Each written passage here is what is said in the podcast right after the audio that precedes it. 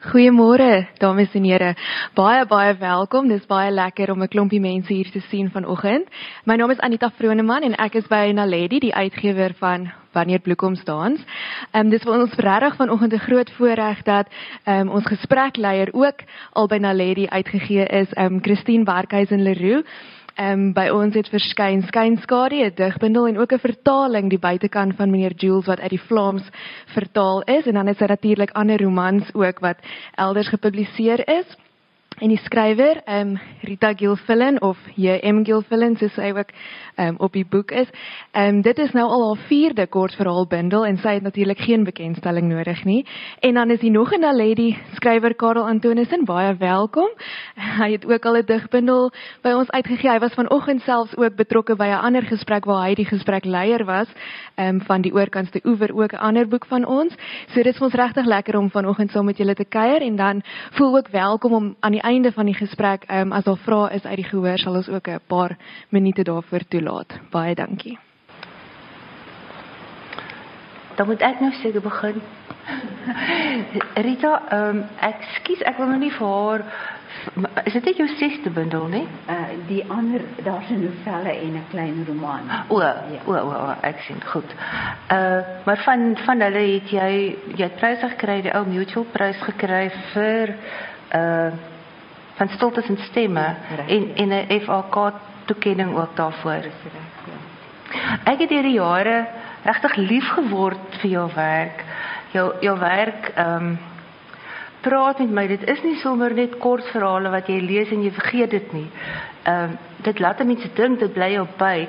En ek wil vir julle wys, kyk net hierdie pragtige voorblad. Dit is so mooi En uh, ons sal later praat oor die bloekoms.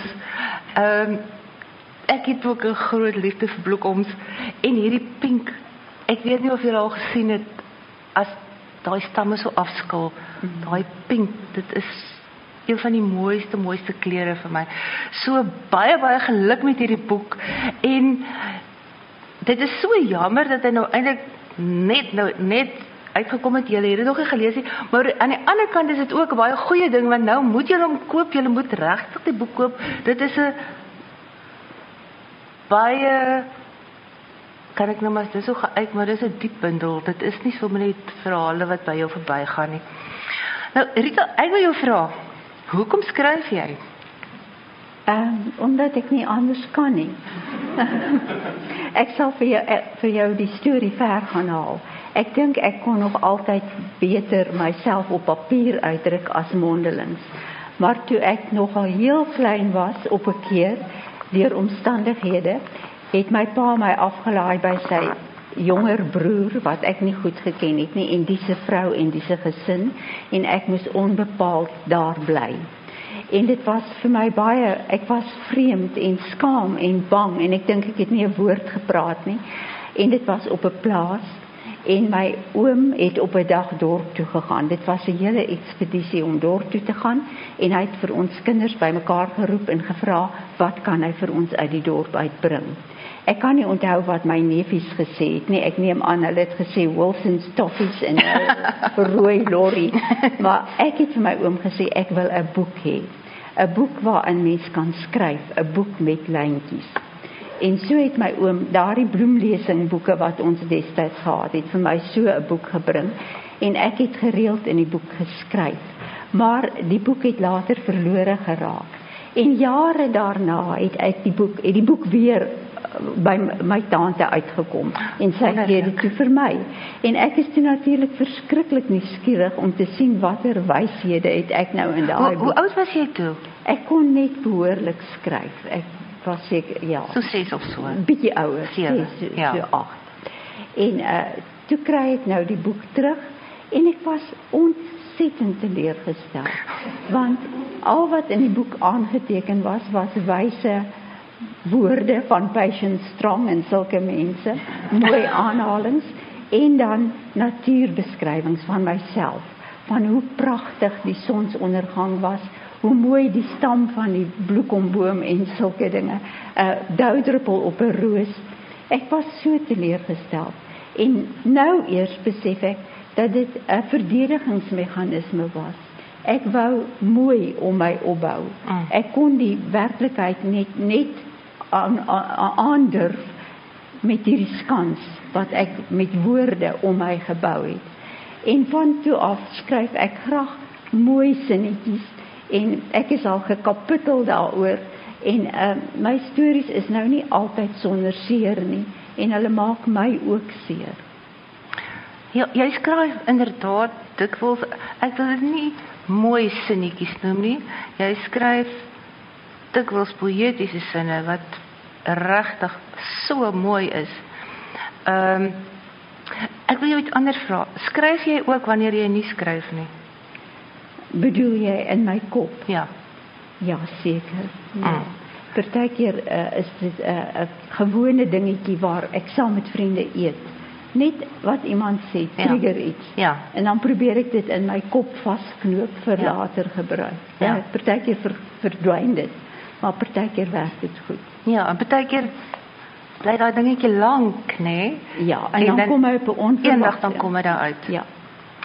Goed, en ehm um, vertel my, hoekom is jy lief vir die kortverhaal spesifiek?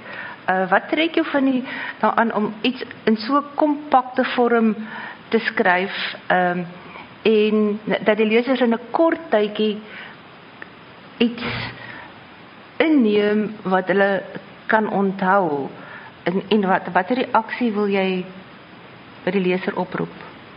Ehm um, dis 'n moeilike vraag daai voor ek hom antwoord gaan ek jou gou in die rede val Mhm. want ek het verwag dat jy vir my gaan vra wat skryf ek.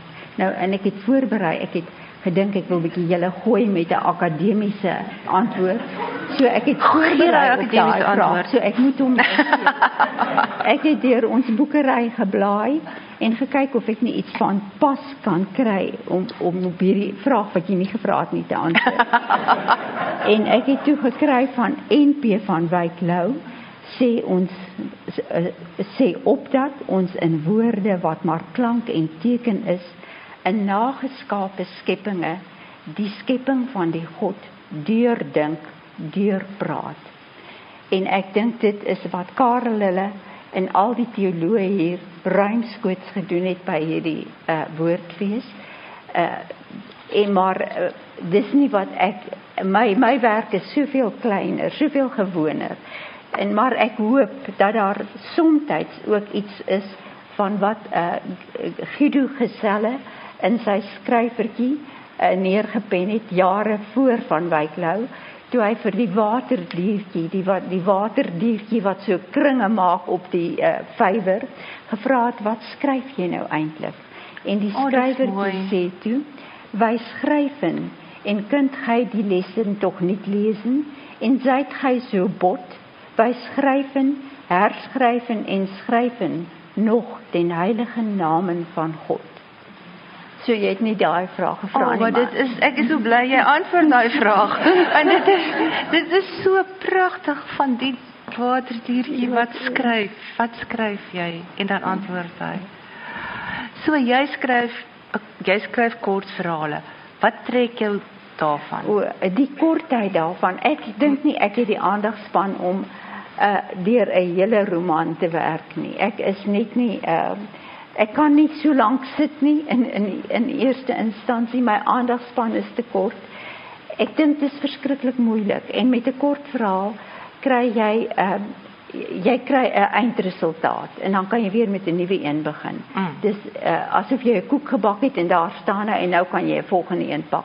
Maar met 'n roman moet jy dan lank wag voor jy daai koek uit die oond kan haal. Ja. En ek weet nie ja. of ek die geduld daarvoor het nie. Ja, maar goed, jy jy sê nou dit is uh, jy het nie die geduld nie, maar tog jy skryf nie net een kortverhaal nie, jy skryf meer en meer en meer, so jy het tog die geduld om Om geleidelik vir jou 'n stel verhale bymekaar te bring. En waar. en ek het nou nie vooraf gedink ek wil dit vra nie, maar vind jy as jy nou eh, sê nou maar jy- skryf oor 'n tydperk van 6 jaar 'n aantal verhale en as jy dan na die verhale kyk agterna, is daar vir jou 'n draad wat deurloop. Soms verrassend wel, ja. Mm. Want hierdie verhale is oor 'n lang tyd geskryf, ja. Mm. en daar was tog vir my 'n draad wat daar Ja. was. Tot Ja, my ja. eie verrassing. Ja, ek ek het ek het ook gevind daar is ehm daar's definitief lyne wat deurloop. En eintlik is dit dink ek nie vreemd nie, want as 'n mens 'n mens leef mos nou in 'n sekere periode dat sekere goed trek jou aan of praat met jou in 'n sekere periode en uiteindelik as jy dan nog gaan kyk dan sien jy o, dit was so. En dan Rita reis en weggaan en terugkom speel 'n groot dis een van die lyne dit speel 'n groot rol in meer as een van die verhale. Ehm um, wil jy 'n bietjie uitbrei daarop? Ek het dit self nie eintlik so agtergekom nie. Maar jy is jy is heeltemal reg. Reis gee mens natuurlik perspektief as jy van ver af kan kyk na 'n situasie en die binnereis is natuurlik belangriker as die buitereis eintlik. En uh, ja, reis is in 'n hele aantal verhale uh, prominent en belangrik. En ek het um, uh, baie gereis van huis tot huis eintlik in my lewe. En ek dink dit het ook 'n uh, 'n uh, invloed gehad op die verhale. Mhm. En dan jy het nou in daai vraag wat ek nie gevra het nie, geantwoord oor die plaas. Plase kom dikwels voor in jou verhale. En ek is nuuskierig hoekom dit is behalwe nou die eerste plaas waar hulle jou waar jy nou so vreemd en alleen was en jy begin het om te skryf. Hoekom speel plase so groot rol in jou lewe? Het jy uh, behalwe die een oom het jy nog of het jy meer dikwels teruggegaan na daai plaas toe? Ehm uh, my pa het 10 hy was een van 10 broers en susters. En my ma is jonk is dood toe ek 5 jaar oud was. Sjoe. En my pa het nie kans gesien. Hy sy omstandighede was so dat hy nie kon 'n jong kind twee grootmaak nie. En so het ek tussen daardie ooms en tantes geswerf. En ehm um, hulle was almal boere. En so het ek verskillende plase baie goed leer ken. En omdat ek oral altyd 'n bietjie nee, 'n bietjie nie baie vreemd gevoel het, het ek daar lank buite rond gedwaal en elke klip en elke bossie en elke ding in die op die werf en rondom die werf baie goed geken. Ja, dit dit is nou baie interessant want ek het, dit was my opvallend hoe goed jy kyk ek bly nou op 'n plaas. Ek het op 'n plaas groot geword nie, maar my oom het 'n plaas gehad en tot vandag toe speel daai plaas 'n groot rol in my lewe. Ehm um, en ek het net gedink dis onmoontlik dat jy jou so kan inleef in wat op plaas aangaan as jy nie uh, ervaring ervaring het daarvan ja. Ehm um, en dan jy het nou gesê oor dit is eintlik nou deel van wat jy gesê het. Jy het 'n groot liefde vir die natuur. Wil jy 'n bietjie daaroor uitbrei? Uh, ja, as ek nou so alleen was op 'n nuwe plaas, dan het ek baie buite rond gedool en my verlustig in die natuur. En die Hoëveld in my jeug wat nou so vreeslik met lugbesoedeling vuil gemaak is, was 'n pragtige oop plek in die Hoëveld waar dit oop is, waar mense nog baie ver kan sien. Uh maar dit, dit is natuurlik nie meer so nie.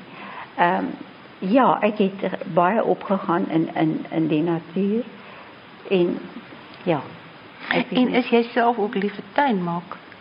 Ek was nie, weet jy, maar ek het mettertyd onder my man se invloed. My man is 'n groot tuinier en ek is nou saam met hom die tuin maak. Is jy nou die handlanger? Laat hy jou die spitwerk doen. Nee, dis daar. Uh, hy het hy het maar dis daar.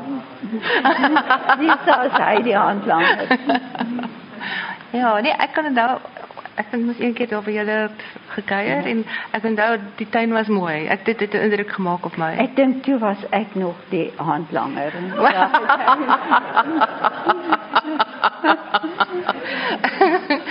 ja, en dan ehm um, aansluitend by hierdie ehm um, plase en en ehm um, die natuur uh die tema van grond loop deur jou bundel. Ehm um, onder andere ook uh in die verhale uh lig waar Cecilia terugkeer, 'n breinvrou wat terugkeer uit die buiteland. Vertel gou vir ons 'n bietjie iets 'n stukkie agtergrond van die verhaal.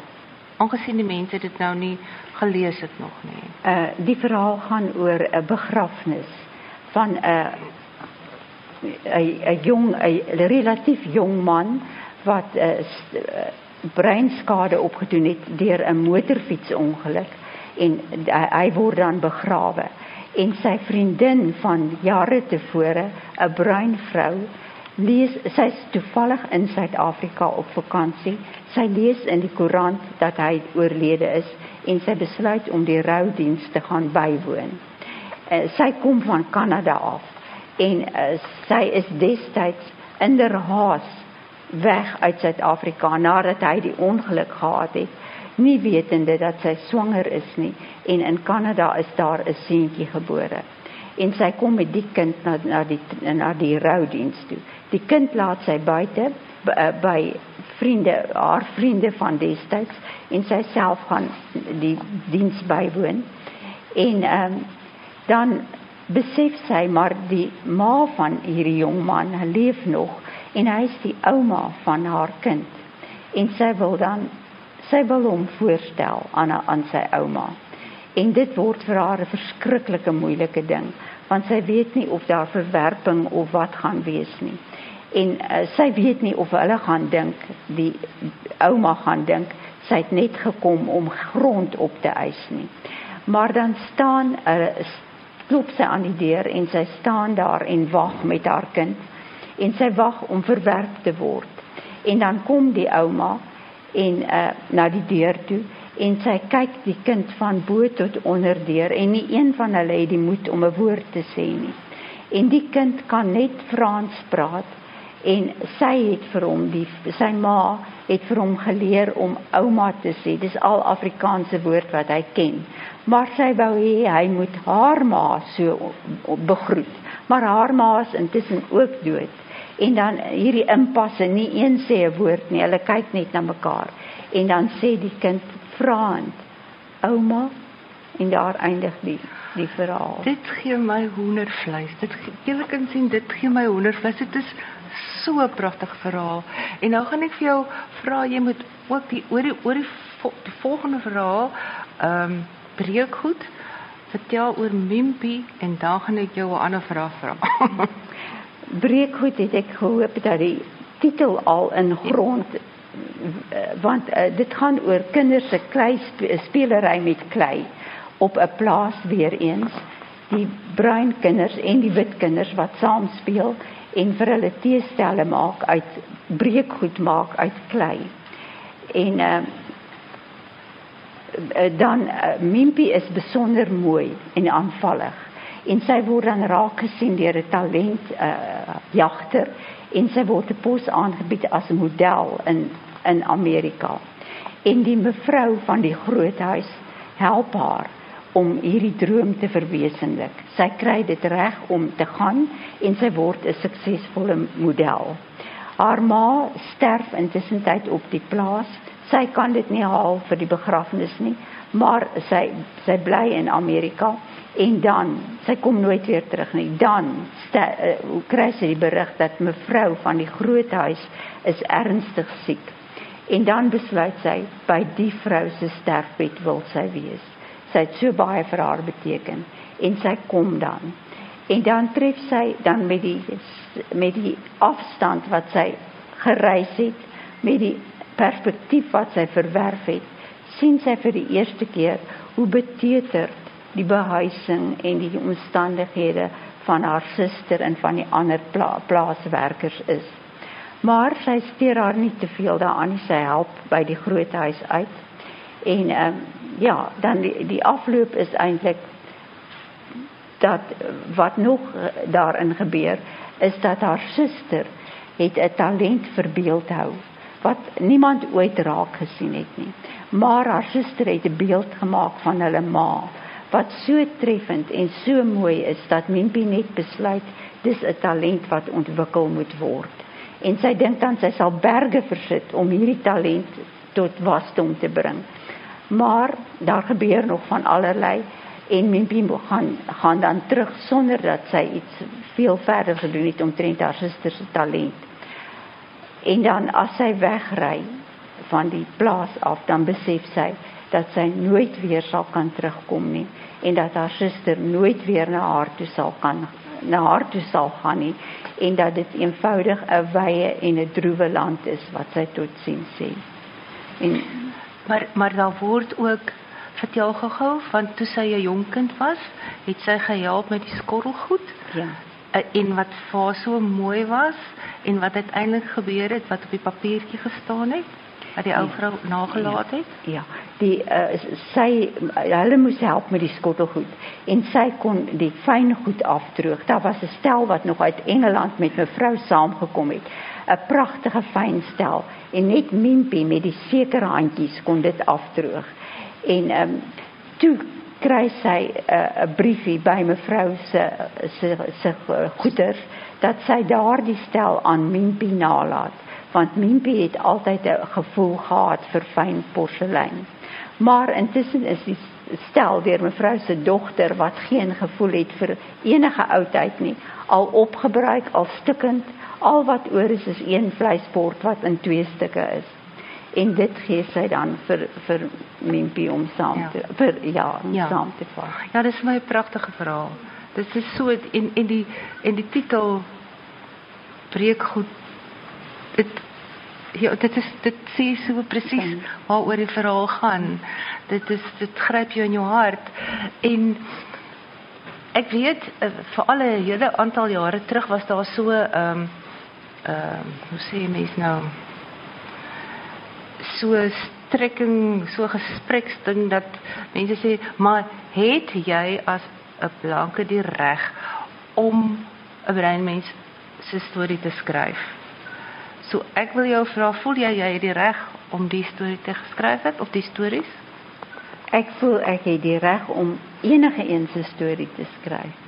Ek voel uh, dit, dit is my plig as wel skrywer om in die vel van wie ook al in te klim en want dit gee my ook insig en deernis in daardie persoon se lewe om daarin in te klim. Ek weet dat die veral die bruin mense het vandag glad nie nodig dat enige iemand vir hulle in die brese hoef te tree nie want daar's uitstaande en uitstekende skrywers en kunstenaars wat hulle is hulle eie woord kan doen maar dit hoef my nie te verander nie want daar is 'n verhaal in die bundel waar ek as man mm. uh, waar ek mm. die vir my vertel stem is 'n man se stem so ek voel ek het beslis die reg en op die plase waar ek gewoon het en van buite af ingekyk het het ek al klaar gevoel ek is ook die ander. Ja. So ek is ja. Ek dit is vir my so ongelooflike wonderlike antwoord want toe ek gisteraan nou weer sit en dink en ek dink ek of jy die ding vra toe dink ek as ek dit sou antwoord, sou ek ook sê As jy 'n storie skryf, kruip jy in elk geval onder die vel van iemand in. Maak nie saak of hy pink of geel of pers of wat ook al is nie. En of hy 'n man is en of hy gay is of wat ook al nie. Ehm um, so, maar nou wil ek jou vra. Jy skryf ook. Jy skryf dikwels oor die ander, die randfiguur. Waarskynlik omdat jy van kleins af dan nog gevoel het jy sit nou hier op die rand, jy's op die plaas en jy is eintlik alleen. Uh jy skryf oor gestremdes, jy skryf oor gay persone, jy skryf oor die bergies. Uh hoe voel jy daaroor? Hoe waar kom jou empatie daar vandaan? Hoe leef jy jou daarin? Uh ja, ek dink mense sou jou uh, teoreties moet kan inleef in selfs in iemand wat glad wat jy glad nie eintlik ken nie. Maar dit help natuurlik as jy ervaring het van sulke gevalle. So ek het byvoorbeeld 'n dogter wat verstandelik gestrem is. Ek het 'n seun wat gay is. Ehm um, ek self was altyd 'n buitestander. So uh, ek het ervaring daarvan. Die bergies uh, by daardie ja, ek kan, ons kan later weer verder praat oor die bergies. Ja. As jy my oor ja. daardie verhaal. Ja, ja. Ek uh, ons het nog baie algemeen. Ek het 'n dogter wat gay is. So ehm um, ja, uh en ek dink dit is nodig dat 'n mens uh nie almal het daai ervaring nie. En uh ek wil amper sê dis nie 'n ervaring wat 'n mens iemand toewens nie. Jy wens ook nie iemand toe om gestremde kind te hê nie. Maar as dit met jou gebeur, dan jy leef daardeur en jy begin dinge leer en jy sien dinge raak en daardeur verruim dit jou en as jy dan deur jou verhaal iets kan skryf wat ander mense wat nie daai ervaring het nie kan help om dit te verstaan verruim dit vir ander mense. So ehm um, ja, ek dink jy jy kan jou ongelooflik goed inleef in ander mense. Ehm um, dan is daar die laaste verhaal uh patience se uh pryslied vir patience. Vertel eens bietjie, vertel 'n bietjie oor die verhaal en dan wil ek jou nog vra oor patience. Patience is is die huishulp, nie die bediende nie, die huishulp van uh, Jan en sy vrou. Jan werk by die huis, hy is 'n vryskut taalpraktisyn en hy dig ook.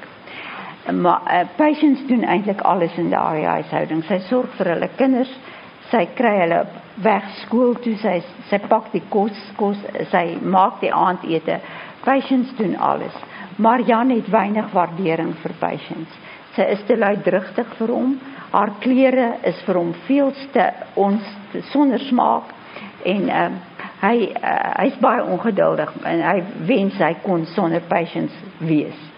En dan gaan patience wel met verlof en hy vind dit bitter moeilik. Nou kom hy agter wat Patience alles gedoen het.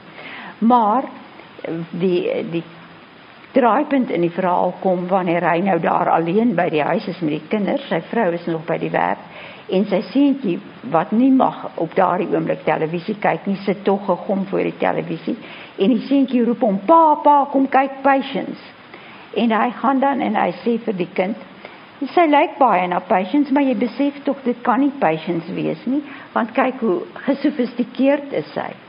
En want daar is dan 'n sangeres oor die TV wat baie na patience lyk, maar sy kan danspassies uithaal en sy haar hare is baie modern gekam ensovoort en Jan glo eenvoudig nie dat dit hulle patience is nie. Maar die kinders oortuig hom dan tog Sy het vir hulle vertel dat sy ingeskryf het vir hierdie talentkompetisie en sy het deurgedring na die finaal toe. En uh die finaal kom binnekort. En al uh, die ma is dan baie ontstel dat hulle dat patients nie vir hulle daarvan vertel het nie, maar in elk geval die aand van die van die laaste twee, daar's twee oor in dis patients en 'n ander jong man breek aan en hulle sit almal bankvas voor die televisie en dan sing patience. Een baie opreiende moderne lied wat uh, hulle nie die groot mense nie te baie van hou nie waar waaroor die kinders skreeu dat dit cool is. En en dan kom patience aan die beurt met haar eie uh, skipping en uh, wa, uh, dis in kosa maar hulle hoor die uh, hulle kinders se name. En hulle kan hoor uit die lied dat hulle kinders word opgedra aan 'n hoër gesag deur patience en dit ontroer Jan verskriklik en ook vir sy vrou. Maar Jan voel dan so erg daaroor. Hy hoor dan ook dat sy 'n prys 'n gerekende pryssanger is in haar uh, in haar woonbuurt en dat sy 'n storieverteller van faam is en hy het dit nooit geweet nie. En dan gaan sit hy en hy skryf 'n pryslied vir patience oh dit is so mooi. hmm. Het jy die naam Patience spesifiek so gekies? Ek het hom spesifiek so gekies. Mm. Jy sal oplet ek het min name. Meeste van die vrouens is is naamloos. Ja maar ja. As ek die slag 'n naam gee ja. dan dan soos girly ook. Ja. Ja. Ja. Dan moet dit betekenisvol wees. Ja. Ja. Dit is dit is 'n pragtige verhaal ook. Ehm um, en dan, kan ek net gou vra kan een van julle asseblief vir my tissue gee want ek weet ek is bang ek grawe hier en ek ek het dankie. Dankie. Dis ek eerste.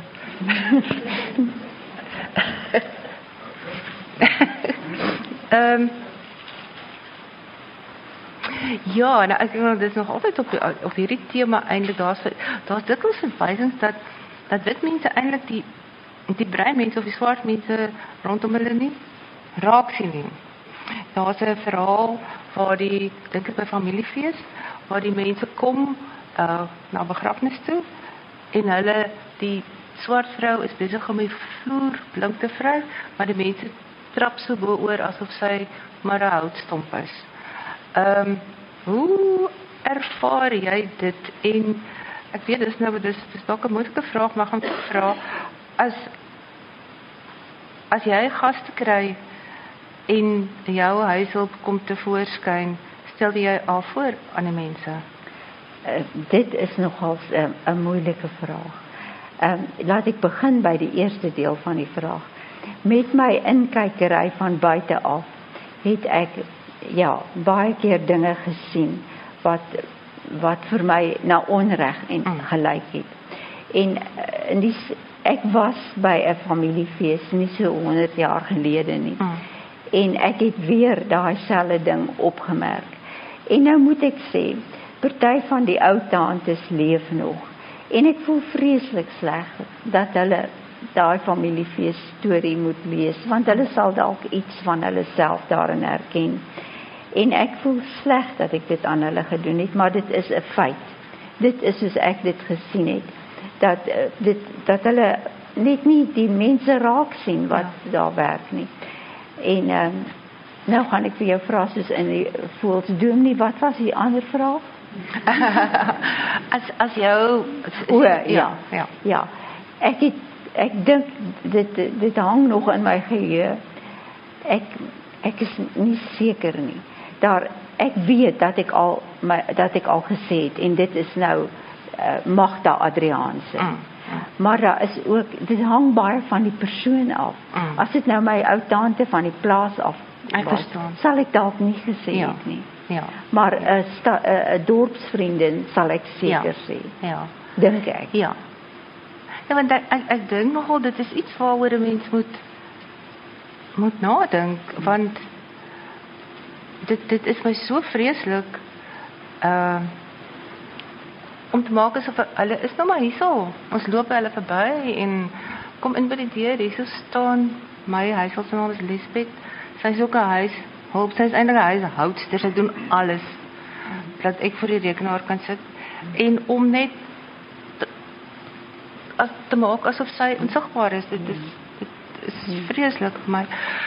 So ehm um, en dan wil ek graag ons kom hier by die storie van Sarah en die dansende boom. Maar ek wil graag hê jy moet ietsie vertel van die storie voordat ons nou op die bloekomboom tema ingaan. Ja, Sarah en die dansende boom gaan oor 'n skool waar die wiskunde onderwyser baie idealisties is en hy sê dan vir sy standaard 9 leerdlinge, hulle moet 'n stukkie oor hulle self, oor hulle drome en aspirasies vir hom neerskryf sodat hy hulle beter kan leer ken. Dis streng vertroulik, hulle niemand sal daarvan weet nie. En dan uh, kry hy nou allerlei antwoorde. 'n uh, Taamlik brutale seun skryf vir hom 'n uh, dwars antwoord en die mooi meisie in die klas skryf 'n baie mooi stukkie. En dan kry hy Sarah se. En Sarah skryf dat sy eintlik nie nie nie niks wil skryf oor haar toekoms nie, want sy het nie 'n toekoms nie en sy wil nie woorde gevuil maak uh, want woorde is vir haar kosbaar. Sy sy sal liewer iets vir hom vertel, iets anders vertel. En dan vertel Sarah vir hom van die bloekom wat dans. So die dit is baie dieselfde as met my sal julle wel agterkom dat ehm uh, dit die woorde was vir haar 'n skans om agter te skuil om die werklikheid mee te verdoesel eerder as om woorde is gewoonlik openbaring maar in haar geval is gebruik sy dit as 'n skans maar maar terwyl hierdie proses aan die gang is is daar ook 'n leerlingraadsverkiesing hmm. en daar's hierdie pragtige meisie Lucinda Beekman wat die sy is vreeslik mooi die onderwyser sê sy het sulke mooi beentjies en sy is die Victrix ludorum en al hierdie wonderlike goed en almal verwag sy gaan op die leerlingraad kom en wat gebeur dan? En hoekom gebeur dit? Wel, ek kan maar net sê kyk na jou, kyk na ons gehoor vandag. Die hoërskoolkinders het self gekies en de, in toevallig in daardie hoërskool was daar baie meer meisies as seuns. Goed, dit is baie inderdaad. Goed, dit dit het ek toe nou dit het ek nie besef nie. Ehm um, ek wil hê jy moet iets lees, maar ek wil vir jou hierdie vraag vra want dit is iets waaroor ek self baie dink. Wat dink jy van hierdie vreeslike hoe hy van oor leerlingraad en wie is by leerlingraad en wie gaan die hoofmeisie wees en dink jy dit is nou eintlik so belangrik of dink jy dit word heeltemal opgeblaas? Dink jy dit is die mense wat iewers in hulle lewe kom? Ehm uh, wat is jou mening daaroor? Wel, ek was al by 'n paar skoolreunies en dit het my tog opgeval dat die mense wat op die leerlingraad was destyds het oor die algemeen minder van 'n merk in die lewe gemaak as die wat faal en uh, onder die radar geleef het. Dit dit is baie interessant want ek het ook al ja natuurlik is daar van hulle wat nou deur die lewe gaan as die ek was die hoofmeisie en dan bly jy nou die hoofmeisie. Uh en ek wil nou lelik wees maar som, soms met die aura daar rondom. maar ek ek wonder of dit nie so is ehm um, ek het baie keer so die gevoel dat mense wat dit nie so maklik het in die lewe nie wat nie die hoofmeisie word nie of wat nie uit hierdie wel afgesind kom nie of hulle harder werk is asof daar 'n dryfkrag is ek sê hulle wys daar moet wees ek dink so anders gaan jy onder hmm. en ek dink as jy terugkyk in die geskiedenis ook in in ons literêre geskiedenis is daar skrywers wat eenvoudig groot geword het. Baie van ons groot skrywers het eenvoudig groot geword en hulle het groot skrywers geword, maar ek dink dit is daai ding, daai daai dryfkrag. Ek wil nou juist sê as jy nie omgee nie. Ek en jy is twee skrywers wat nog iets in gemeen het. Sê dit. Ons paas was albei padmakers. Ja. ja. Dit ehm um, Ja, dit was iets wat ek ek was so dit was my so lekker om dit te ontdek dat Rita ook 'n pad uit 'n padmakersgesin uitkom en as kinders, ja, ek weet nie dit was vir jou sekerlik ook maar so. Die mense het meer gesien op ons. Uh en by my was daar definitief 'n dingetjie van wag maar, wag maar. Eendag gaan ek hulle wys. Ja, ek sal hulle wys, ja. Ja. Ehm um, ja. Ja, en ek het vandag so ehm uh, nie net vir mense wat uit padmakers gesin kom nie, maar ek het 'n vreeslike sagte plekkie vir die ander dalk. Ek kan nie help nie, die ander dalk ehm um, ek sal altyd probeer om die ander dalk te help.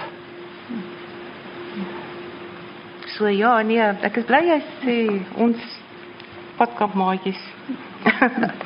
Ehm um, en dan wil ek hê jy moet vir ons lees uit uh Sarah en die dansende boom. Uh daar bladsy 111. Die tweede laaste paragraaf. Eintlik is dit so mooi. Ek wil nie net maar vir ons begin lees daarvan. Ek gaan meneer Leo vertel van die groot ou bloekomboom. Asseblief. Sarah skryf nou vir meneer. Ek gaan meneer liewer vertel van die groot ou bloekomboom op my oom se plaas. Daar waar my pa eenkant bly in sy eie huisie. Ek sien hom maar min, want die kinderhuis is ver en hy het nie meer 'n motorkar nie, sodat sodat dit my oom is wat my soms kom haal. Die laaste keer toe ek daar was, sal ek nie sommer vergeet nie. Dit was kort voor Kersfees en my pa het laat weet dat hy hierdie keer 'n kersboom het wat hy besig was om te versier. Dit nog behalwe die presente vir my. Presente wat hy klaar toegedraai het in wit papier en met rooi linte vasgestrik het. En die kaste was almal chockvol eetgoed wat hy opgegaar het spesiaal vir wanneer ek kom. So het my pa oor die foon beloof vir my en vir die hoof van die kinderhuis. En so het my oom toestemming gekry om my te kom haal vir die paar dae oor Kersfees. Ons was al moeg van die hele dag se gery in die warm kar en die son het al begin sak toe ons nog die laaste bultjie moes oor. Die motor het gehoes en gehyg en ek was bang dat hy dit nie gaan maak nie. In my verbeelding het ek klaar gesien hoe ek stoot die opdraand uit. En toe, onverwags en so maklik soos woeps, is ons bo met die aandson reg in ons oë. Die bloekom wat wag oor my pa se huisie, het ons nie sien kom nie.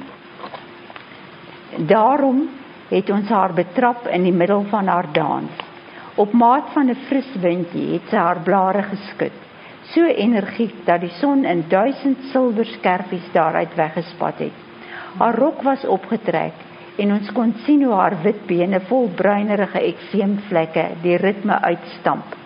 Tot in die punte van haar arms het sy getril en gebewe van lekker kry. Maar toe sien sy die kar oor die bult aankom en op die plek stol sy. Voor my oë verander sy weer in 'n doodgewone bloekom met 'n gevlekte stam en 'n kroon van ritselende blare waarin die laaste sonstrale wegkruipertjies speel. Dit is pragtig. Dit is so mooi. Ehm um, ek wil jou vra wat wat is dit met jou en bloekombome? Ek het ook iets met bloekombome. Daar's nog 'n raakpunt. Uh, wat is jou uh affiniteit met my, bloekombome? Hulle is vir my mooi. Hulle stamme is vir my oneindig mooi. En hulle is natuurlik ook vreemdelinge. Hulle staan ook waar hulle eintlik nie moet staan nie en baie mense haat hulle. En ehm um, hulle was die, die hulle het die bakens van my jeug gemerk, afgemerk waar daar 'n huisie was van my oom van die oom was daar 'n bloekomboom. En so was daar oral op die plase 'n bloekom of twee. En hulle is hulle was partykeer baie goeie windsbrekers en ja, ek en my man is so kwaad vir bloekoms omdat hulle so baie water drink. En daarom moet ek hulle altyd verdedig teen hom ook. Maar ek dink ons moet 'n bloekomparty stig.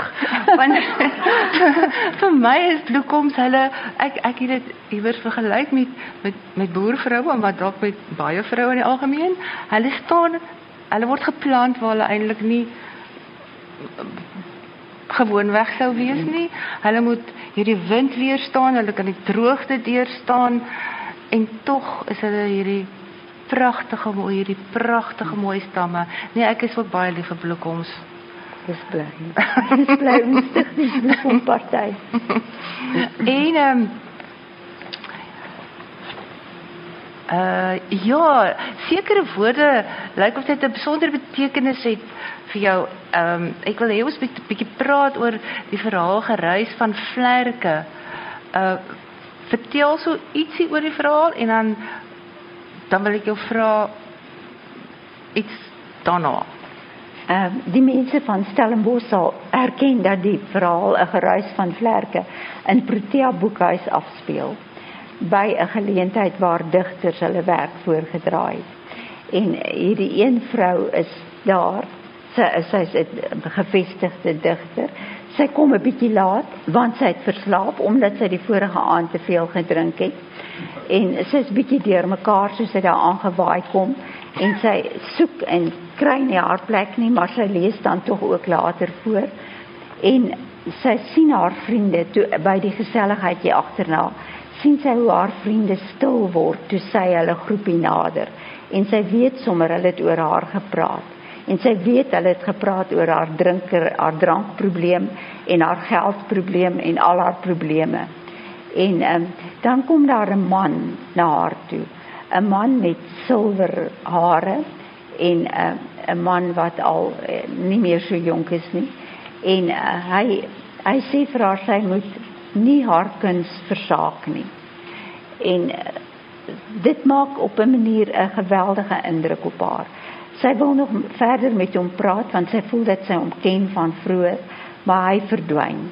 En as sy weggaan, as hy as sy loop na haar motor toe om weg te ry, sien sy hom oor 'n pleintjie stap en op die pleintjie sit klompe duwe en die duwe fladder almal op. Uh, daar is 'n geruis van vlerke soos die duwe opfladder en hulle swerm al om die man se kop en dan gaan sit hulle weer. En dit alles maak 'n baie groot indruk op haar en dit laat haar voel dit sy voel besield om by die huis te kom. Sy wil weer gaan skryf, sy wil 'n gedig skryf. en dan ry sy, maar sy is so haar kop is so in die wolke dat sy nie mooi op die verkeer let nie en 'n groot vragwa mis haar rakelings. En sy klim dan uit die ene bewerasie en as sy in die lug opkyk, dan is daar weer 'n gesuis van vlerke, soos uh, die hele trop duwe kom en dan in een formasie draai hulle soos een man om en vlieg weer terug na die pleintjie toe. En um, dit was vir my net uh, net 'n uh, uh, uh, uh, reminder dat mens moet getrou wees aan jou opdrag. En daar sal altyd vlerke wees. Daar sal vlerke van erns wees wat jou beskerm, wat jou dra, wat jou help. So dit gaan vir jou oor jou oor oor kunstenaarskap. Ja. Ook jou kunstenaarskap. Ja. Ja. Ehm um, en voel jy ehm um, ek het dit so aangevoel uit die uit die verhaal Ehm um, voel jy baie keer dat jy so begeesterd raak dat jy ook so 'n bietjie uit die werklikheid uit Ehm um, ek hoop jy jy moet nie voor 'n vragmotor inry nie, maar ge, gebeur daar baie keer goed dat jy so ek kom baie keer in die kombuis en moet ek met my huishulp praat dan dan weet ek eintlik ek praat sulke een woord sinne ja, want ja, ek gebeur dit met jou daar ook? gevoel ja. Van heeltemal weg wees uit die werklikheid. Ja. Ja.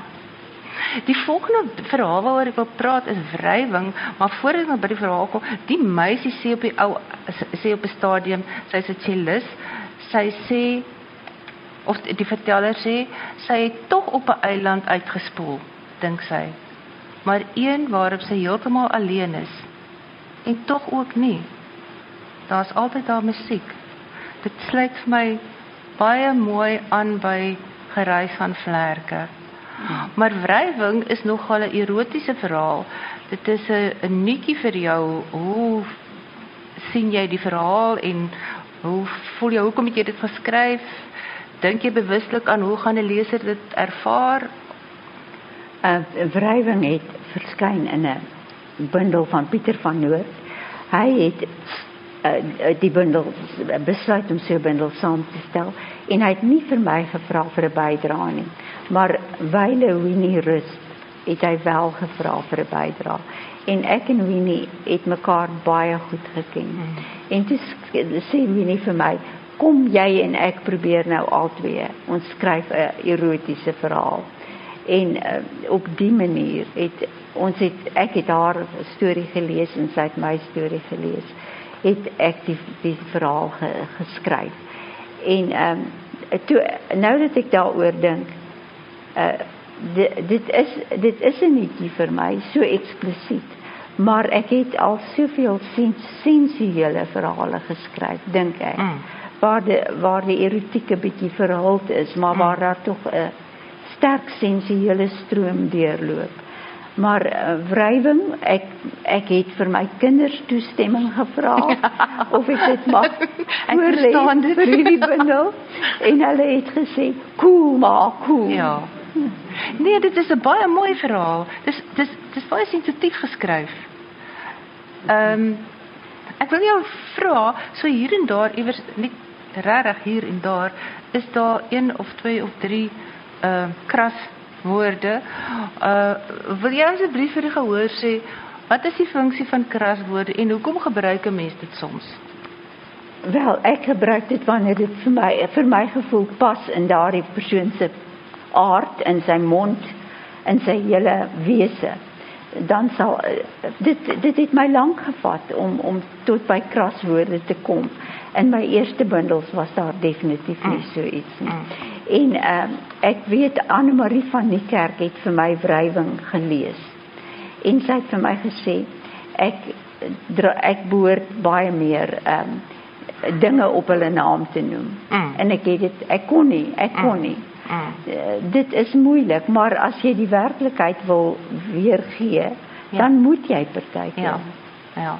Maar uit my geslag uit is dit moeilik om te doen. Dit dit is dit is vir my ook moeilik, maar partykeer is dit nodig. nodig. Ja. Dit is nodig. Ja. Dit is nie sommer 'n asprisgeit nie. Ek dink 'n mens, ek dink 'n leser kom gou agter as dit sommer 'n asprisgeit ja. is om om te probeer skok of ja, so. Ja. En in dit in jou geval is definitief so, né? Ehm um, en dan hierdie twee pragtige verhale, familiefees en foonoproep. Ehm um, wat tyd het ons nog so so lekker met jou.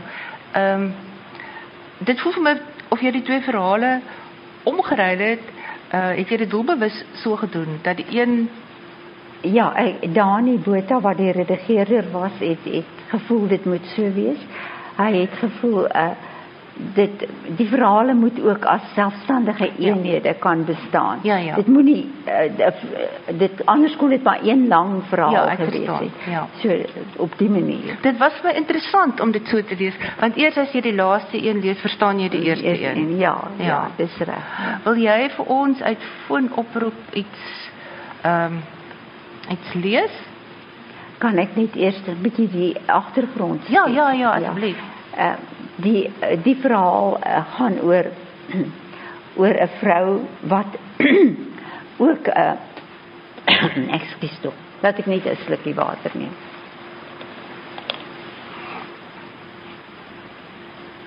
oor 'n vrou wat ook albei haar ouers verloor het en sy het nog 'n broer oor. Maar met die broer het sy 'n baie non verhouding. Hulle praat nie met mekaar nie. Hulle kom hulle kom nie by mekaar nie. Hulle wil eintlik niks van mekaar. Johan. Hulle wil niks van mekaar af weet nie.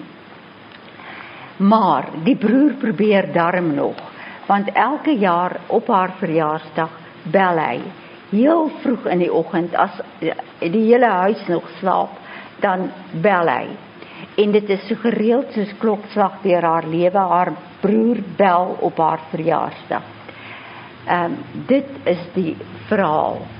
Uh, nou ek waar ek 'n raakpunt daarmee het, is dat ek ook 'n broer het gehad het wat my altyd op my verjaarsdag gebel het en verder het ons nie veel kontak met mekaar gehad nie. Maar hy was getrou in sy bellery. Ehm uh, in hierdie verhaal uh, verloor die broer sy arm. Ook my broer het sy arm verloor. Die broer sterf vroeg. Ook my broer het vroeg gesterf. Maar dis sover soos die ooreenkoms gaan. Maar uh die uh, vrou uh, voel tog na haar broer se dood dat sy baie onredelik was en dat sy regtig meer vir hom kon gedoen het. Hy het uh, hy het swaar gesterf, dis nou die verhaal, broer. Hy het moeilik gesterf. Sy het versorging nodig gehad. Sy het nooit 'n hand na hom toe uitgestrek nie. En ehm uh, dan gaan die tyd verby. Sy vergeet 'n bietjie daarvan. Christine, weet jy wat se bladsy? Ehm um,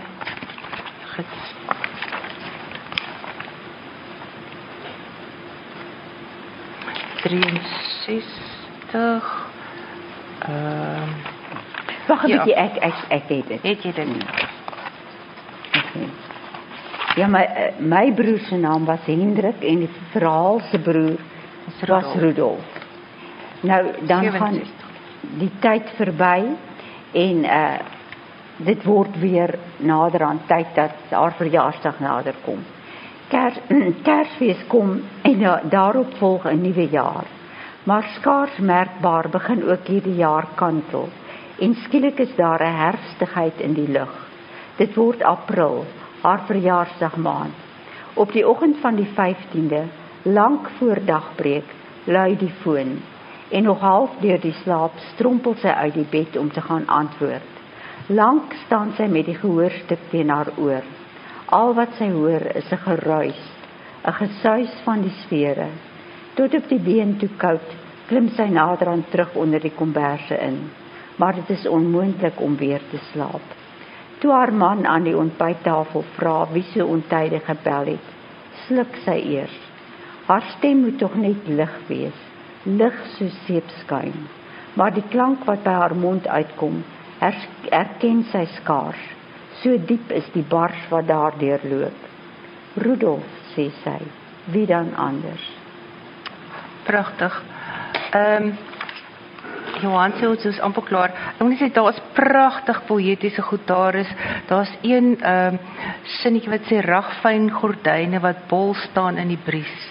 Oor haar bed 'n lappies teken soos Josef die dromer se jas met daarnaas 'n speeltafel. Dit is pragtig Rita. Ehm um, ek gaan afsluit as ehm um, Anita het gevra, dan moet vrae tyd wees, maar as jy tyd vir vrae tyd, jy moet 'n boek koop, dan kan jy al die vrae vra. Jy kan vir Rita daarna vra.